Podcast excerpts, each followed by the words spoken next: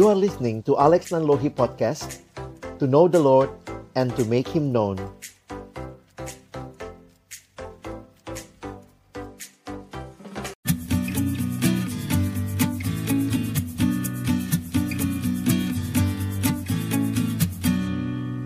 Terima kasih. Anda masih setia bersama kami di 96,3 RPK FM Jakarta. Siaran kami juga bisa didengarkan melalui audio streaming di www.radiopritakasih.com. Ingat juga untuk berlangganan atau subscribe kanal YouTube kami dengan kata kunci RPK FM. Kini kita ikuti acara selanjutnya.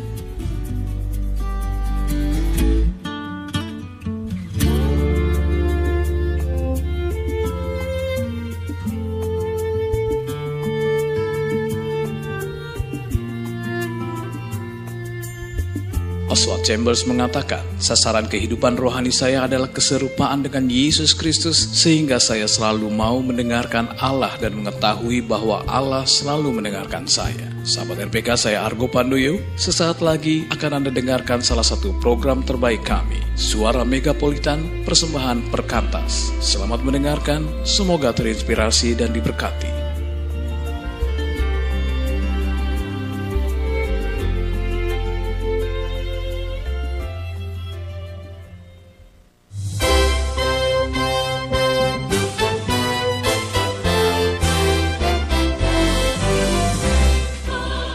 Perkantas Ministry Suara Megapolitan.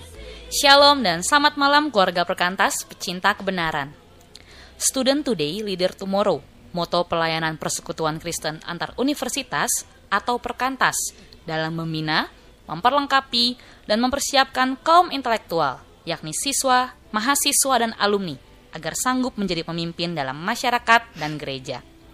Senang sekali saya Agnes bisa menyapa Anda kembali dan selama 50 menit ke depan, pelayanan Perkantas menghadirkan program Perkantas Ministry Suara Megapolitan untuk menemani Anda, keluarga Perkantas pecinta kebenaran.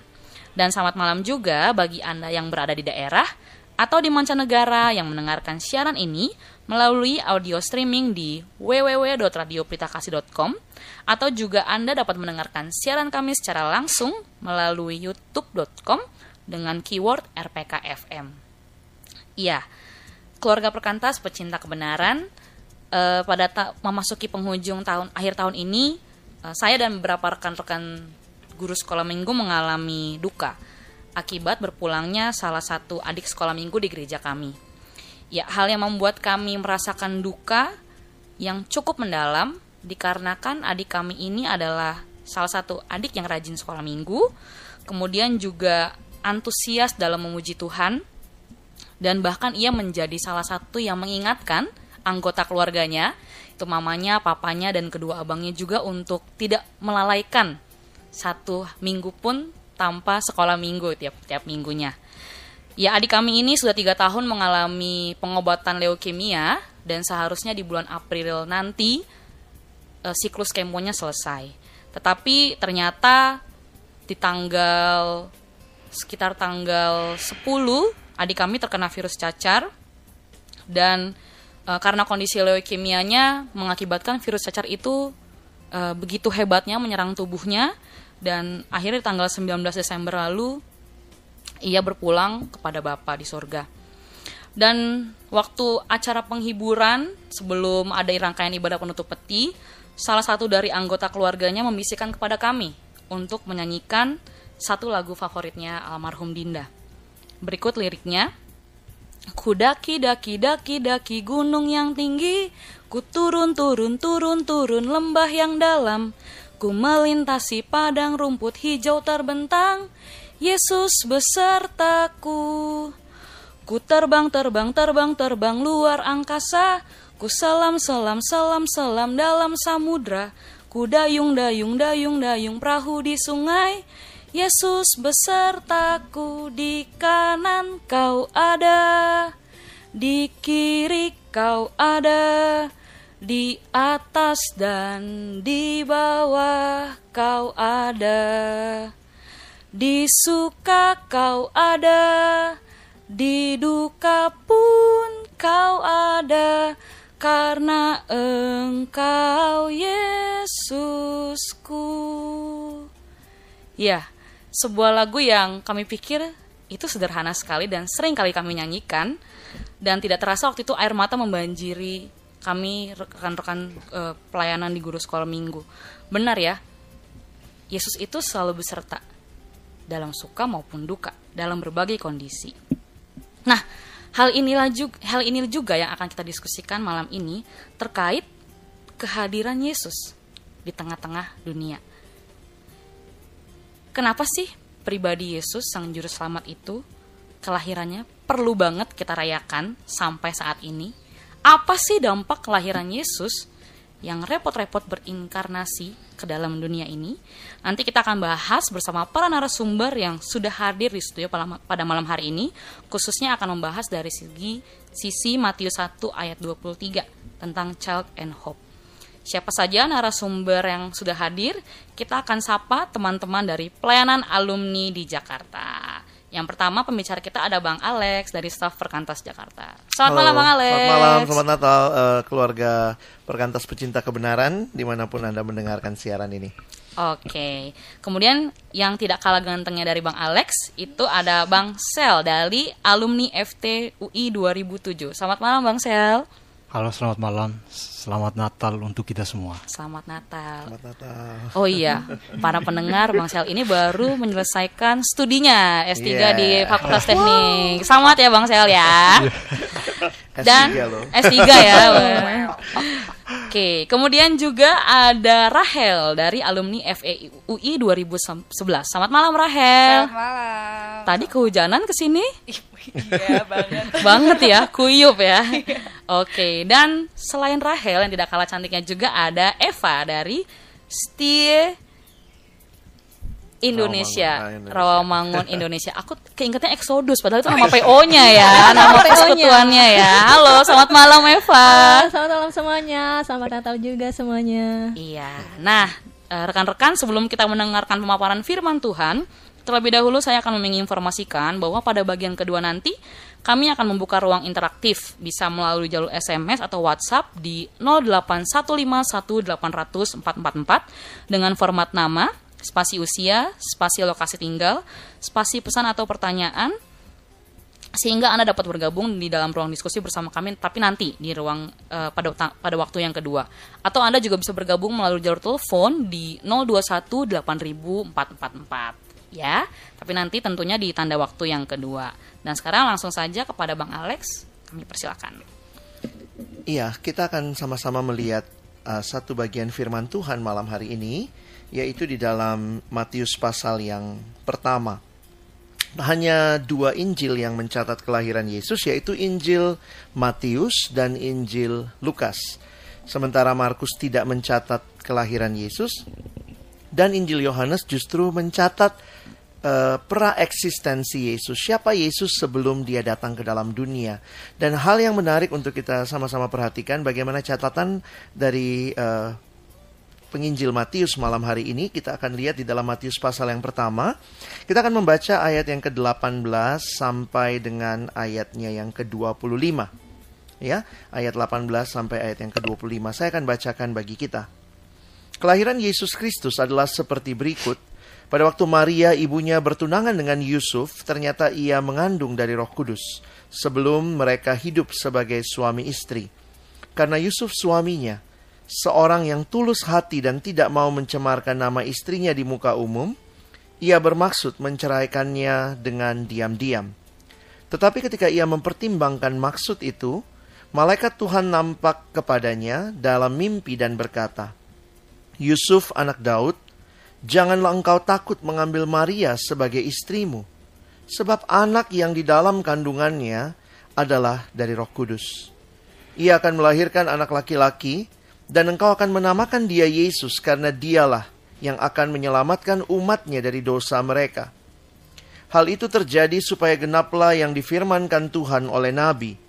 Sesungguhnya anak darah itu akan mengandung dan melahirkan seorang anak laki-laki, dan mereka akan menamakan dia Immanuel, yang berarti Allah menyertai kita. Sesudah bangun dari tidurnya, Yusuf berbuat seperti yang diperintahkan malaikat Tuhan itu kepadanya.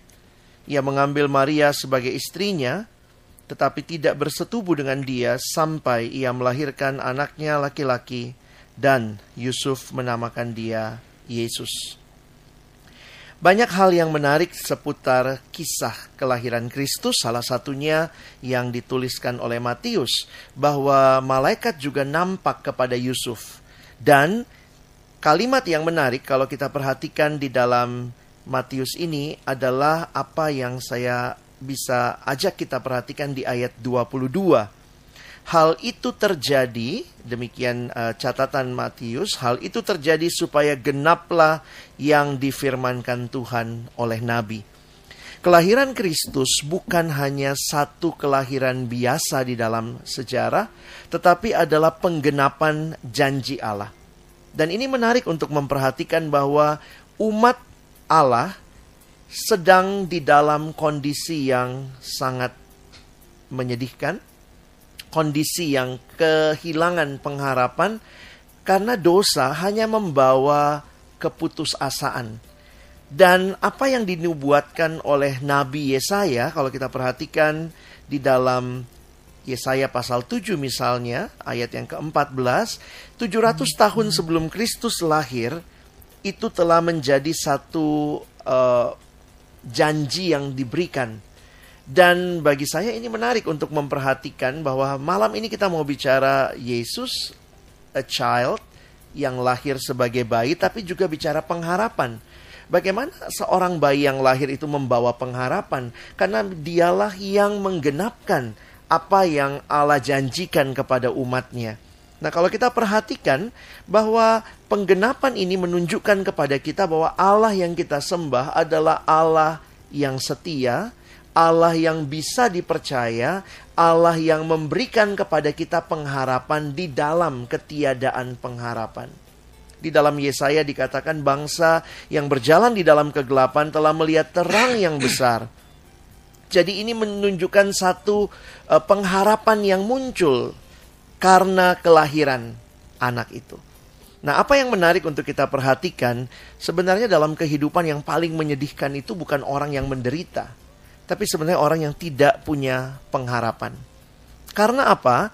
Kalau orang masih punya pengharapan, maka mungkin untuk pengharapan yang dia miliki itu dia rela menderita. Nah, tapi kalau dia tidak punya pengharapan, maka sebenarnya walaupun dia hidup, itu rasanya seperti tidak ada tujuan, tidak ada kejelasan. Dan ini bagi saya mengingatkan kita bahwa benar kelahiran Kristus inilah kelahiran yang membawa kepada kita pengharapan. Dan ini bukan pengharapan biasa, ini pengharapan yang sumbernya dari Allah, dikaruniakan Allah kepada kita. Jadi saya melihat ini menjadi bagian yang penting untuk sama-sama kita pikirkan. Nah sebelum kita lanjutkan, kita akan mendengarkan tanda waktu berikut ini.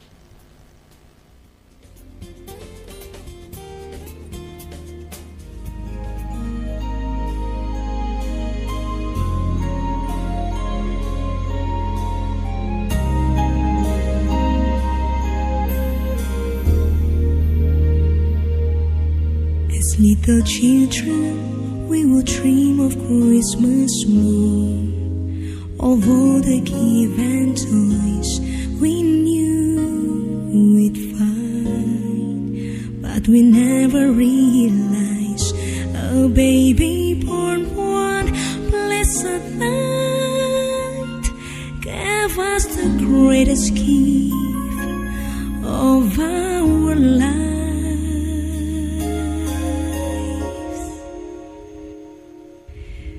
As the years went by, we learned more about gifts, the giving of ourselves, and what that means. On a dark and cloudy day, a man hung crying in the rain, all because of love, all because of love.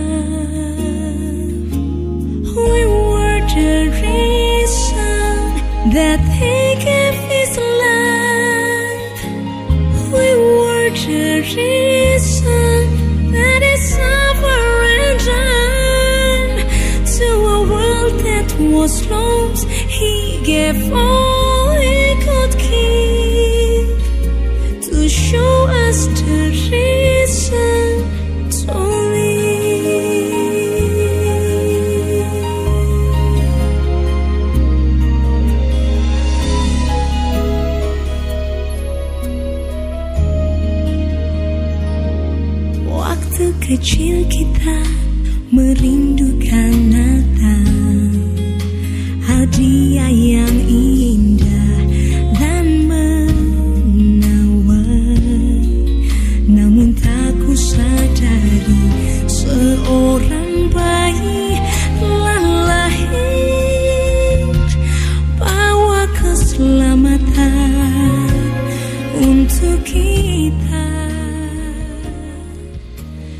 Kita akan melanjutkan uh, perenungan kita dari Matius pasal yang pertama. Kita tadi membaca ayat yang ke-18 sampai dengan ayatnya yang ke-25. Nah, ada hal yang menarik juga yang bisa kita perhatikan bahwa ada dua nama yang muncul di sini.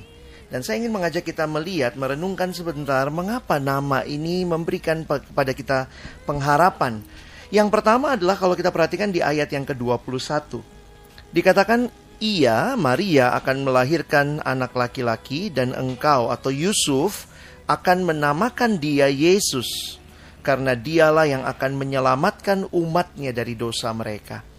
Ini nama yang memberikan kepada kita pengharapan bahwa dosa tidak selamanya memerintah di dalam kehidupan manusia. Ada jalan keluar, ada kelepasan, ada juru selamat yang lahir. Waktu kita membaca di dalam catatannya uh, penginjil Lukas, kita melihat Lukas menyatakan kalimat yang menarik bahwa dia melihat bahwa malaikat itu menyampaikan kabar sukacita besar.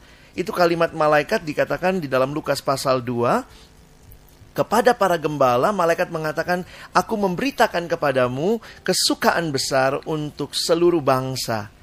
Dan apa itu berita kesukaan besar untuk seluruh bangsa?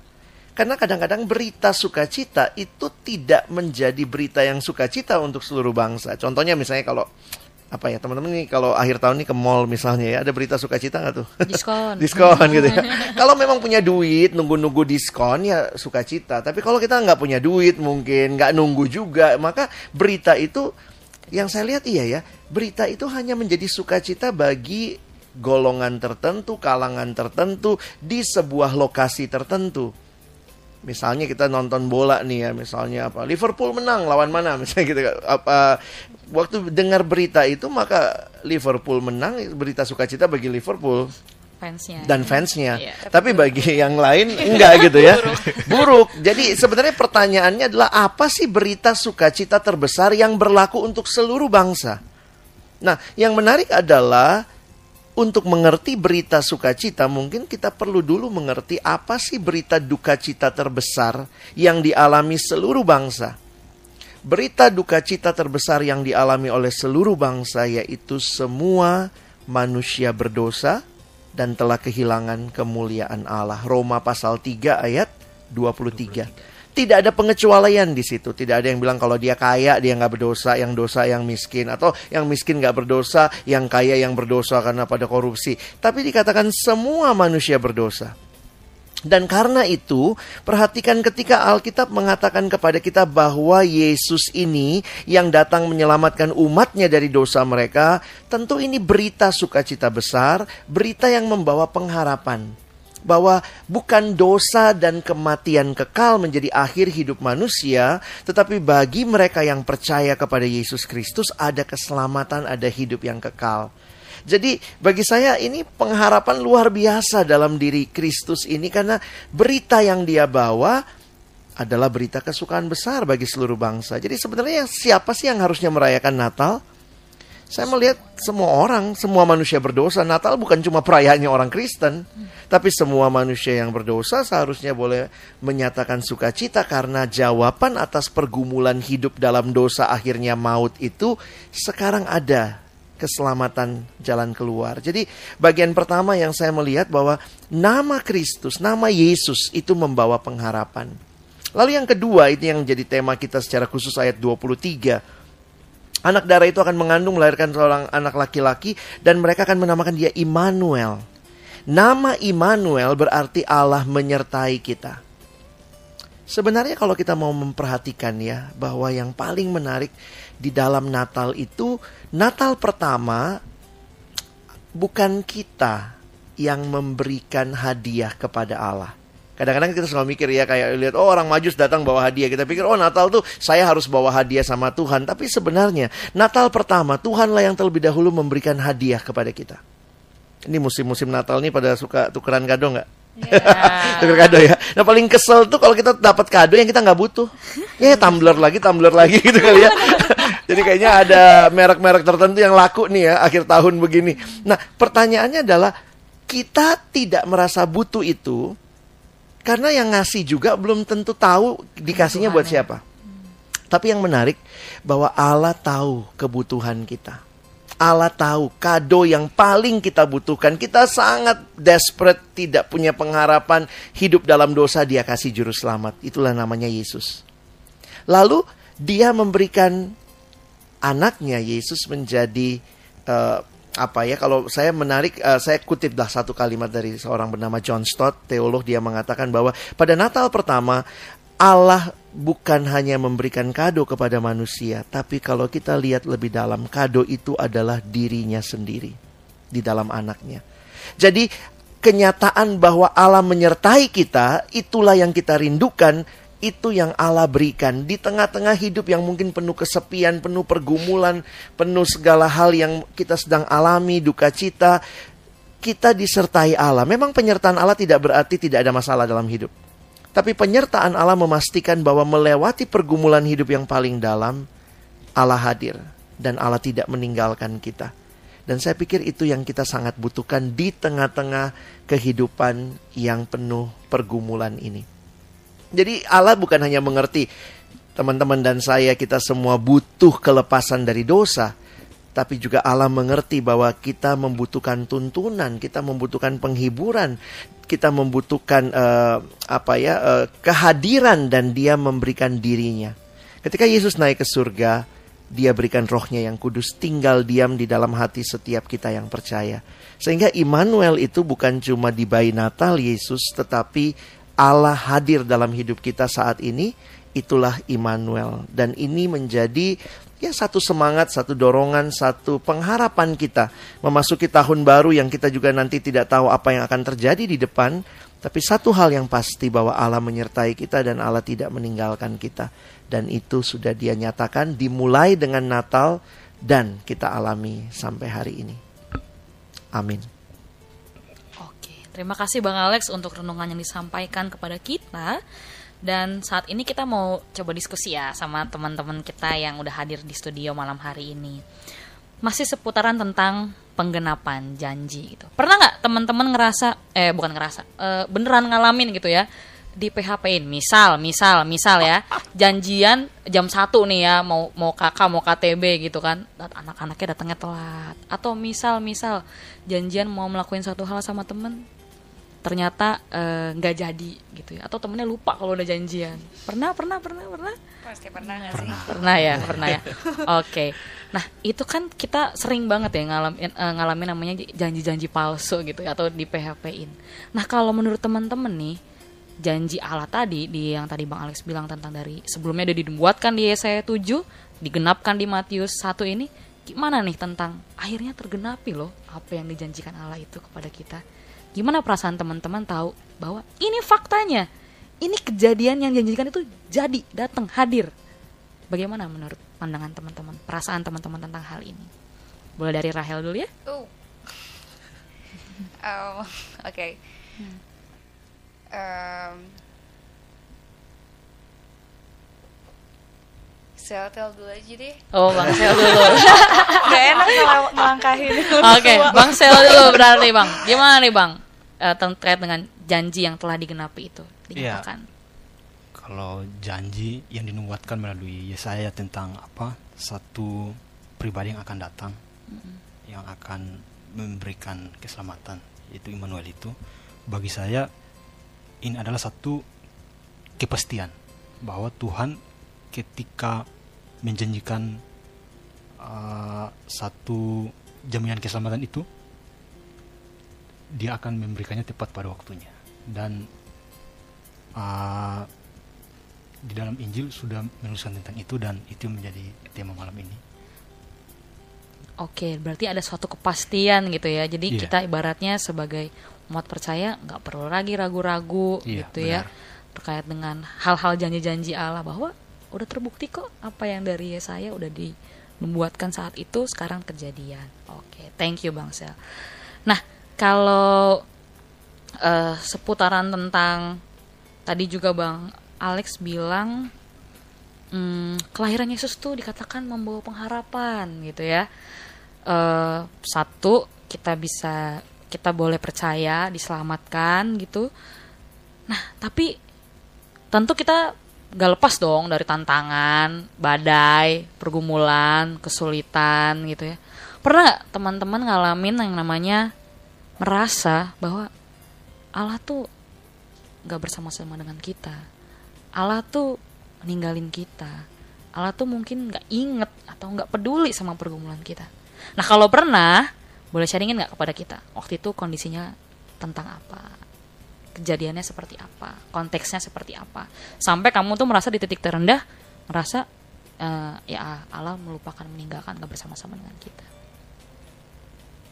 Siapa dulu? Rahel atau Eva? Aku deh, tadi Oke. aku udah ngoper. Oke, boleh Rahel, silakan.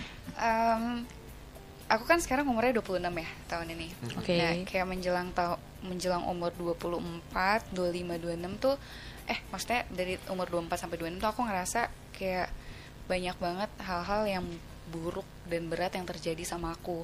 Kalau anak-anak zaman sekarang tuh nyebutnya quarter life crisis. Oke. Nah, itu tuh parah banget sampai em, eh, aku ke- sampai apa ya paling buruknya adalah aku pernah kepikiran bahkan untuk bunuh diri. Em, dan waktu itu sempat ngobrol juga sama anak PO kayak aku sempat eh, takut untuk cerita sama anak PO karena kan kadang anak PO tuh suka ngasih stigma-stigma tertentu ya. Kayak ah gila lu eh, masa PKK dan pernah jadi ketua PO pernah ke- sampai kepikiran bunuh diri. Pa- eh, terus waktu itu ceritanya sama teman juga em, sama-sama pelayan sama-sama PKK dan ternyata dia pun pernah merasakannya. Jadi kayak oh ternyata nggak aku aja. Dan bahkan eh, peran sebagai PKK ataupun pengurus tuh nggak menjaminkan gitu. Eh, terus eh, waktu itu tuh sebenarnya kalau dicari tahu apa aja masalahnya ya itu itu aja sih kayak masalah kerjaan eh, keberhargaan diri intinya sih. Kayak kerja lulusan UI terus kerjanya sekarang apa gajinya berapa pokoknya segala macam segala macamnya itu. Dan itu bikin eh, hal-hal yang seperti itu ternyata bikin aku eh, lupa apalagi karena kerjanya juga capek banget kan pergi pagi pulang pagi. Eh, jadi kayak oh dan jarang ikut persekutuan ya karena itu tadi kan jadwal kerjaan segala macam. Jadi em, ya ngerasa Tuhan Tuhan di mana sih kayak gitu kok Tuhan kayak nggak sama sama aku dan kayak aku ada masalah tapi kok kayak Tuhan nggak peduli kayak gitu pernah pernah ngerasa ngerasain itu dan bahkan tahun ini tuh sering banget ngalamin itu naik turun gitu Oke. Nanti kita lanjutkan setelah dengar tanda waktu berikut. Jam di studio kami menunjukkan pukul 20 lebih 30 menit waktu Indonesia Barat.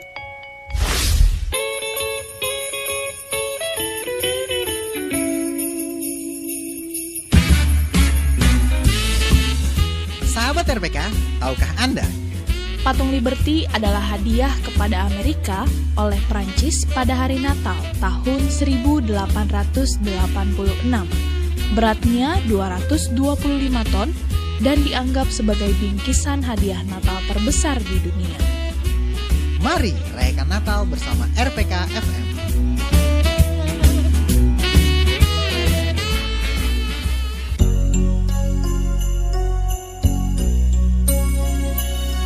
This is 96.3 FM, Palita Kasi.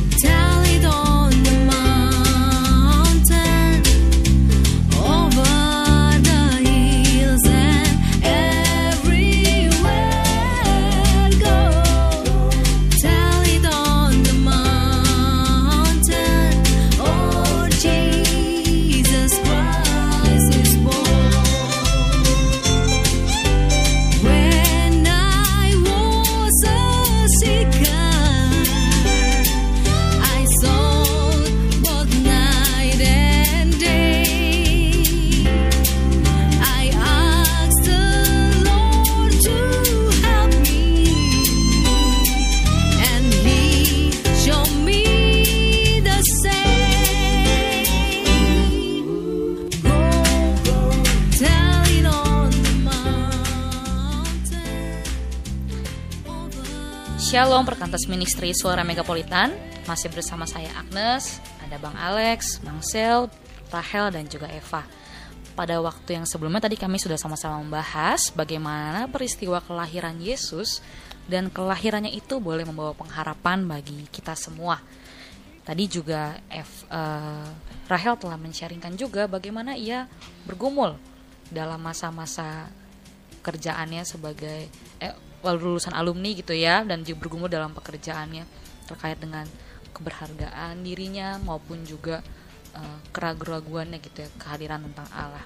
Nah, mau dengar juga dong uh, sharing selanjutnya terkait dengan hmm, ini sebentar ya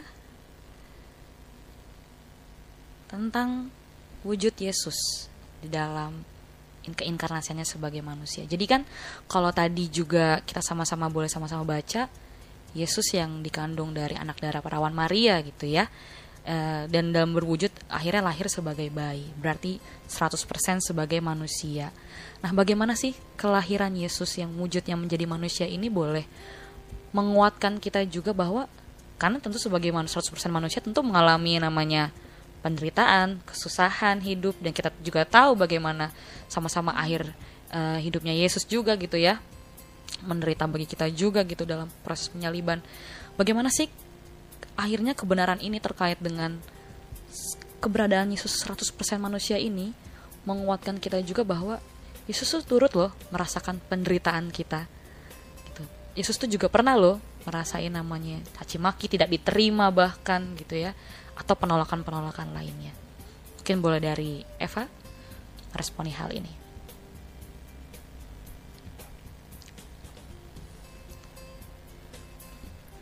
Bingung, oke, okay. Bang Sil, mulai meresponi hal ini. Oh iya. Uh, jadi sebelum Yesus Kristus, Tuhan Yesus datang ke dunia melalui uh, Maria ketika lahir, itu Allah menyampaikan pesan-pesannya itu melalui uh, nabi jadi Nabi menyampaikan pesannya, namun sampai satu titik di mana Allah harus datang sendiri nih untuk hmm. uh, menyampaikan pesan yang mau disampaikannya itu janji keselamatan itu. Nah, di sini kita bisa melihat bahwa Allah yang turut merasakan sebagai apa sisi manusia ini kita bisa lihat keteladanan secara langsung. Maksudnya ketika ditersakiti atau ketika dia bagaimana mengatasi persoalan-persoalan yang ada seharusnya kita sudah tidak punya lagi alasan untuk ngeles bahwa hidup itu harus seperti ini seperti ini seperti ini atau oh karena saya ini manusia lalu karena kelemahan saya gini-gini karena Kristus sendiri sudah datang ke dunia dan apa memberi contoh tentang itu hmm. yang membedakan Kristus dan kita yaitu dosa jadi Kristus sudah hidup dan memberikan contoh itu bagi kita. Jadi ya kita tidak bisa lagi maksudnya uh, mengelak bahwa oh ini tuntutan hidup di dalam Tuhan itu berat atau ya sejenisnya ya karena kita bisa melihat langsung bagaimana kehidupan dari Kristus itu sendiri. Oke. Nah, kalau tadi Abang bilang kan juga soal kehidupan tuh ada juga beratnya gitu ya. Oh, iya. ya kita nggak bisa uh, mengelak gitu ya bahwa kehidupan berat itu juga berat gitu. Nah kalau dari pengalaman Bang Sela sendiri nih kan udah selesai menempuh studi S3 itu oh. bukan suatu hal yang mudah juga tentunya gitu ya. Yeah. Nah kalau dari perjalanan iman Abang sendiri gimana nih? Uh, akhirnya tetap uh, apa uh, berpegang terus kepada Kristus gitu dan juga uh, spirit kelahirannya kehadirannya juga menolong abang menyelesaikan akhirnya bisa memampukan menyelesaikan studi. Bagaimana nih perjalanan up and down abang dalam mengerjakan studi? Ya memang pertama kali mendengar bahwa saya lulus untuk tahap ini apa beasiswa ini yang pertama-tama saya senang. Hmm. setelah menjalani awal wah kok susah sekali ya? Aduh kayaknya gaya kuliahnya juga beda saya kan dari Kupang jadi apa kultur maupun atmosfer belajar di sana ada beda dengan di sini kan. Jadi itu awal-awal saya pikir wah kok kayak saya diacak-acak kemudian kok berat sekali gitu. Hmm. ya saya pikir aduh Tuhan kenapa saya ditempatkan di tempat ini sehingga saya itu dipermalukan kayak gini? Kenapa hmm. saya begini sulit untuk bisa memahami uh, hal-hal yang seharusnya saya bisa tahu kayak gitu.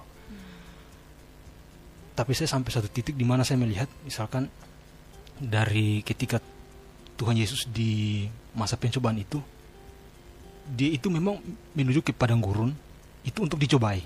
Tapi yang menuntun dia itu adalah Roh Kudus. Nah sampai sini saya berpikir oh iya ya nggak mungkin Tuhan menuntun saya dari Kupang ke tempat ini untuk menjadi gagal itu nggak mungkin. Ini adalah tantangan yang saya, harus- saya harus hadapi walaupun berat. Ya namanya mau kuliah ya harus belajar lah justru karena ketidaktahuan saya itu maka saya harus belajar untuk bisa menjadi mengerti. Nah ini memang di awal itu saya merasa wah ini benar-benar gelap. Wah ini yang saya pelajari apakah saya bisa menyelesaikan studi atau enggak? Itu saya benar-benar di tahun tahun kedua paling parah itu. Saya pikir wah ini kayaknya nggak mungkin selesai ini nggak mungkin. Dengan kondisi saya seperti ini nggak mungkin selesai. Tapi ya terus bergumul terus menjaga hubungan pribadi dengan Tuhan. Itu yang masih bisa menolong saya sampai dengan saat ini. Sehingga saya bisa tahu sebenarnya isi hati Tuhan itu apa sih bagi saya untuk menyelesaikan setiap persoalan hari demi hari yang harus saya selesaikan. Seperti itu. Ada bocoran nih ya, cum laude ya. Puji Tuhan itu kerja keras. itu di luar dari ekspektasi Ini saya sebenarnya kedua tuh 3,5an Iya. Maksudnya ancuran-ancuran tuh 3,5an Cum laude-nya soalnya agak gimana ya? 3,98 ini. Oke, Luar saya biasa. bocoran ini Ya, pekerjaan Tuhan juga ya memampukan Iya. Bang Sel bisa sampai di titik ini ya Bang ya. Iya. Oke, thank you Bang Sel untuk sharing terkait pergumulan studinya. Nah, eh terkait tadi juga Bang Alex sharing kan bahwa ini tuh berita Natal, berita untuk seluruh umat loh. Seluruh umat manusia loh, bukan cuma umat Kristen doang. Nah, bagaimana sih hal ini juga menjadi suatu poin penting bagi kita untuk boleh terus mengalami kelahirannya dan juga tergerak untuk membagikan berita Injil ini juga bagi orang lain gitu. Mungkin kan kalau kita jadi alumni nggak kayak dulu siswa mahasiswa gitu ya. Ada wadahnya misalnya kita ngadain uh, ibadah PJ bertemakan tentang Injil gitu ya atau mungkin KKR, mungkin ngadain retret uh, retret perkabaran Injil atau kelompok-kelompok pipa. Nah, bagaimana nih kita yang sudah alumni juga bisa terus mengalami Injil dan juga mendorong membagikannya juga kepada orang-orang di sekitar kita. Entah itu mungkin adik-adik yang masih dilayani uh, kakak-kakak atau mungkin di gereja atau seperti apa. Mungkin boleh sharing kan? Rahel atau Eva? Eva ya? Eva nih Eva nih. Eva boleh ya Eva ya. Gimana nih Eva? Kalau eh, dari aku eh, bersyukur sih kayak nikmatin eh, ini juga pertama kali ya aku siaran kayak gini. Terima kasih sudah dipercaya.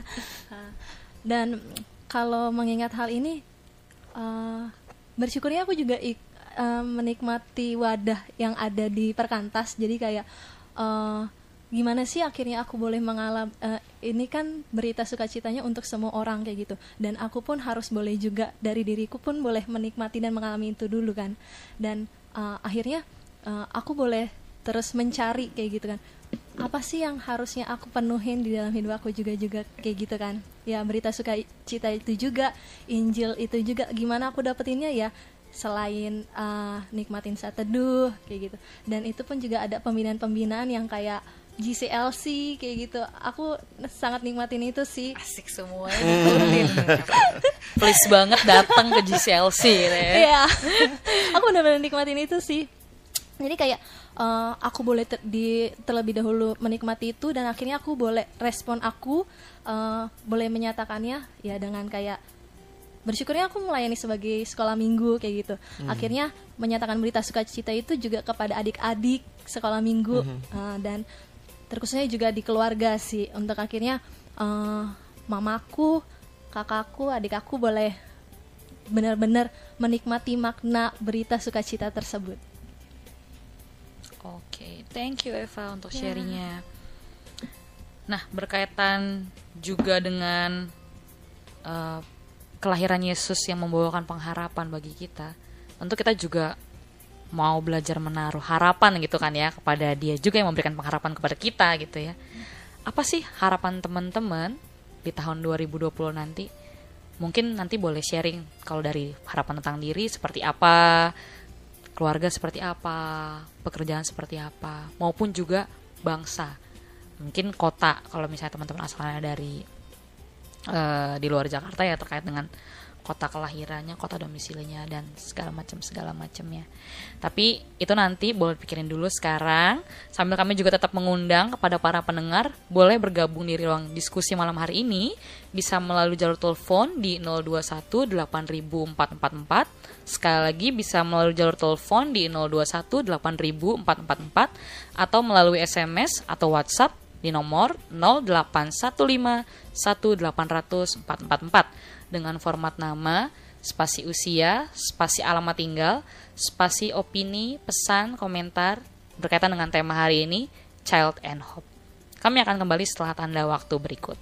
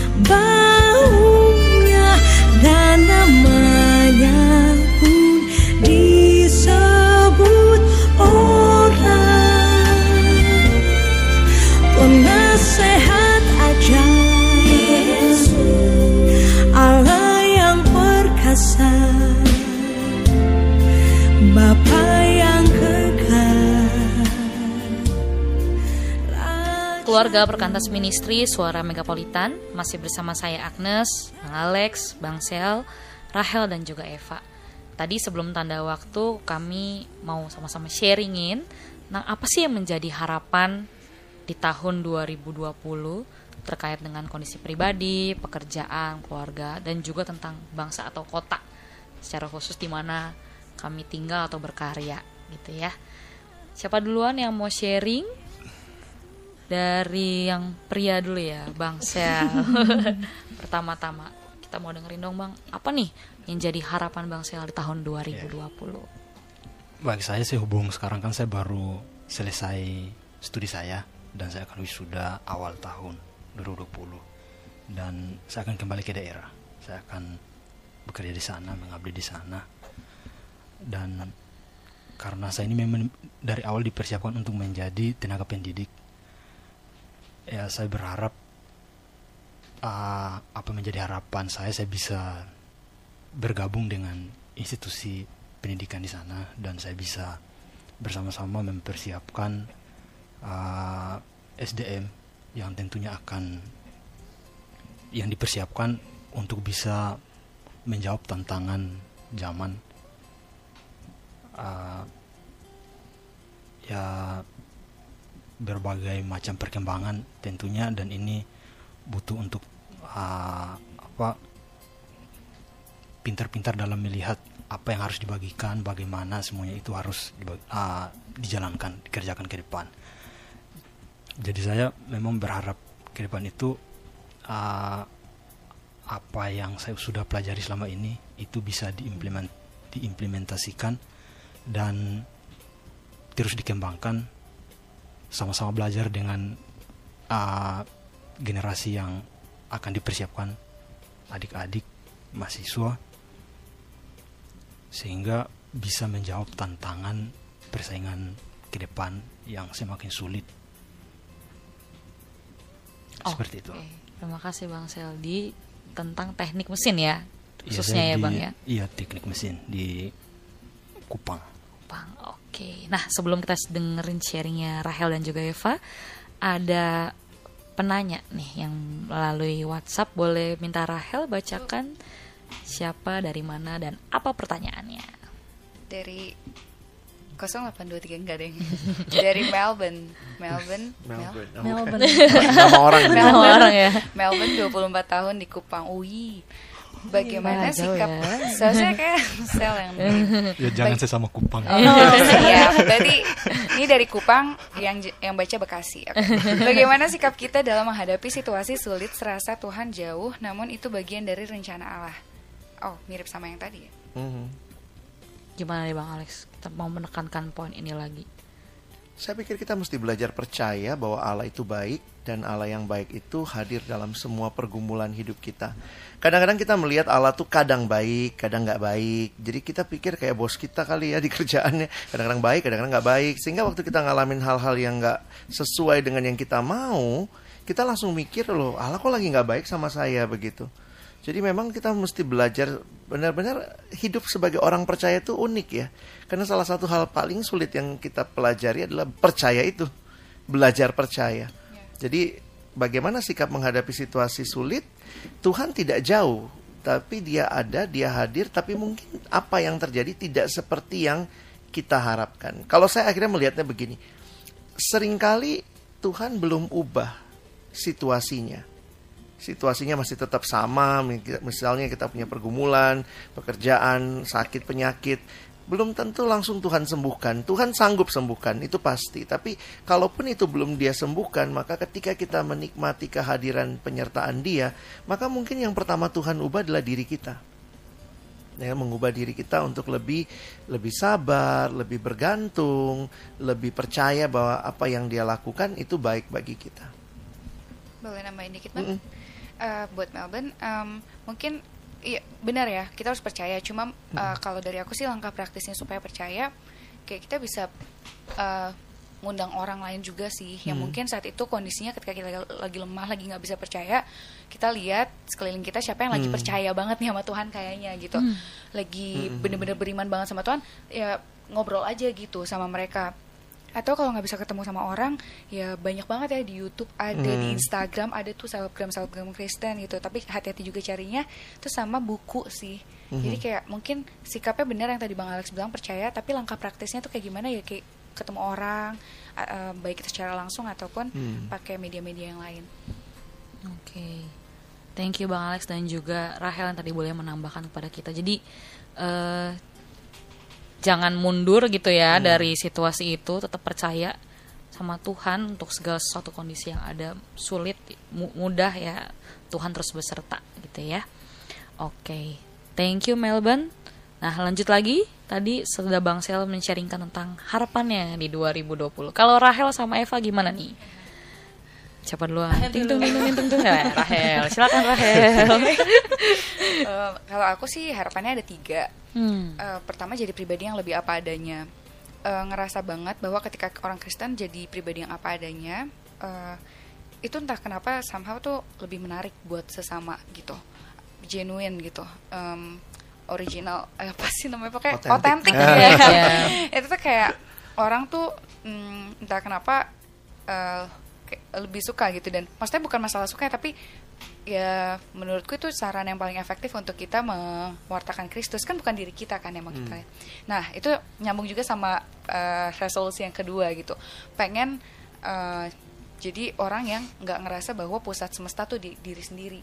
Pengen eh, bahwa kalau misalnya ada masalah atau ada apa-apa ya udah aku tuh anaknya suka overthink gitu kan jadi kayak belajar untuk lebih mindful gitu. Eh, dan mindfulnya tuh bukan kan banyak nih pengajaran-pengajaran sekarang tuh mindfulness itu titik beratnya tetap di kita. Yang mana itu tetap berat gitu loh. Dan kadang kita kalau udah ancur-ancuran gimana ya mau ngandelin diri sendiri gitu. Nah itu uh, mindfulnessnya tuh uh, um, pusatnya di Kristus seperti itu. Yang udah lahir ke dunia ini dan mati buat kita. Uh, dan yang ketiga resolusinya adalah uh, lebih berserah sama Allah. Karena ya itu tadi kan quarter life crisis tuh hits me so hard gitu Uh, uh, ba- menyadari bahwa uh, dia pencipta kita, dia yang paling tahu apa yang kita butuhkan dan pada waktunya dengan caranya itulah yang terbaik gitu. Jadi pengen 2020 sebenarnya ini resolusi da- dari beberapa tahun yang lalu sih. Eh, Tapi menurutku layak untuk dilanjutkan gitu tiga hal ini.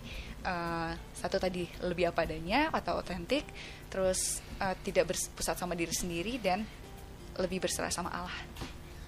Oke, thank you Rahel. Tuhan mampukan untuk hal-hal itu ya.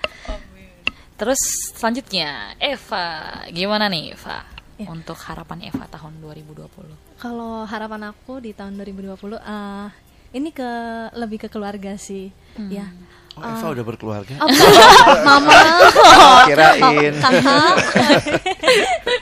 lebih ke ya em, apa kalau dibilang berharap dari tahun di eh, kakak saya yang kedua ini udah hampir empat tahun atau eh, ha- hampir lima tahun apa hampir empat tahun itu eh, terus mencari pekerjaan dan eh, tidak bekerja seperti itu dia lulusan sarjana kayak gitu universitas negeri seperti itu Eh, berharapnya eh, di tahun 2020 dia boleh apa dipercayakanlah di dalam satu perusahaan atau pekerjaan yang akhirnya dia boleh melihat bahwa eh, nggak nggak melulu di perusahaan seperti itu. Tapi pekerjaan pun juga kayak dia boleh usaha bisnis sendiri seperti itu.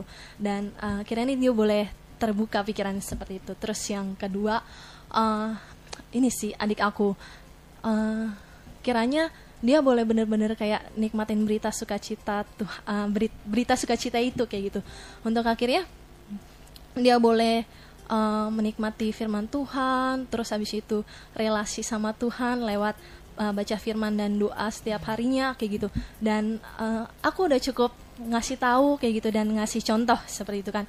Kayak uh, di rumah di ruang tamu kayak gitu saat teduhnya biar dia tahu kalau untuk akhirnya saat teduh. Nah, dia di UKI. Dan sayang banget sih kayak gitu. uh, kalau mau kecilnya nggak jalan kayak gitu. Nah, jadi uh, ya itulah harapannya untuk akhirnya adik aku boleh benar-benar tahu uh, apa yang menjadi uh, kehendak Tuhan lewat firman-Nya dan juga terus makin mendekatkan diri lewat apa berpengharapan juga lewat doa-doanya seperti itu sih. Oke. Amin. Semangat teman-teman memasuki penghujung tahun 2020 ya. Dan Eh, baru mau mulai kan? oh iya, oh, penghujung 2020 ya, 2019 maksudnya ya. Kita siarannya dari abad yang lalu. Doraemon kali Bang ya. Thank you Bang udah koreksi ya. Ya, memasuki penghujung tahun 2019 ya. Kiranya kita terus boleh memiliki pengharapan Hmm. di dalam Tuhan karena Dia sudah lahir untuk kita, hidup, mati dan juga bangkit Kalau bagi Agnes kita. sendiri pengharapannya apa? Aku ya Bang ya. Lupa sharing nanti. Hmm, Iya juga ya. Kalau aku sih berharapnya tahun 2020 nanti khususnya kalau keluarga Hmm. Bapak bisa eh, sehat lagi Mhm. karena beberapa waktu yang lalu juga kondisinya eh, sempat drop dua kali masuk rumah sakit dan cukup lama juga ya kiranya melalui terapi yang lagi dijalanin dan juga obat-obatan juga yang masih dikonsumsi bisa menjadi alat kesembuhan dari Amin. Tuhan amin itu harapanku Kita doain.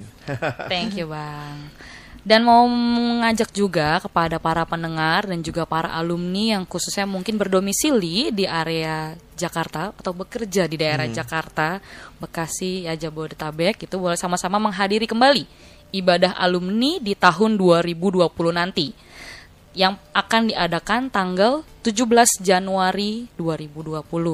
Informasi lengkap terkait dengan tempat dan juga jam pelaksanaan nanti bisa dicek melalui akun Instagram PAK Jakarta disambung semua.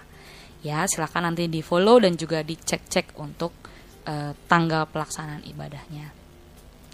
Ya, tidak terasa rekan-rekan kita sudah sampai di penghujung acara siaran hari ini. Kiranya kita juga terus boleh makin mengalami pertumbuhan, semakin mencintai firman Tuhan dan juga melakukannya di dalam kehidupan kita sehari-hari. Kami berterima kasih juga untuk Anda yang boleh mendengarkan siaran ini maupun juga yang boleh bergabung ber- bersama kami di ruang diskusi tadi ada eh, Melbourne ya dari Kupang. Terima kasih untuk eh, SMS dan pertanyaannya. Dan bagi Anda yang juga ingin menyampaikan eh, pertanyaan atau juga kritik dan saran, Anda dapat layangkan melalui email ke suara megapolitan at perkantasjakarta.org atau melalui website di www.perkantasjakarta.org. Kami akan berusaha untuk membalas setiap email ataupun juga SMS yang masuk.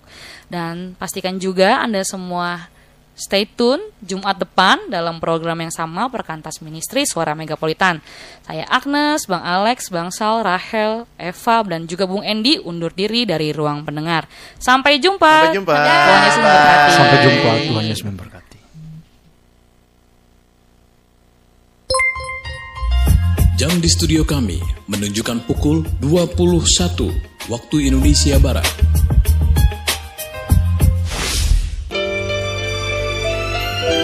This is 96.3 FM, Palita Kasih.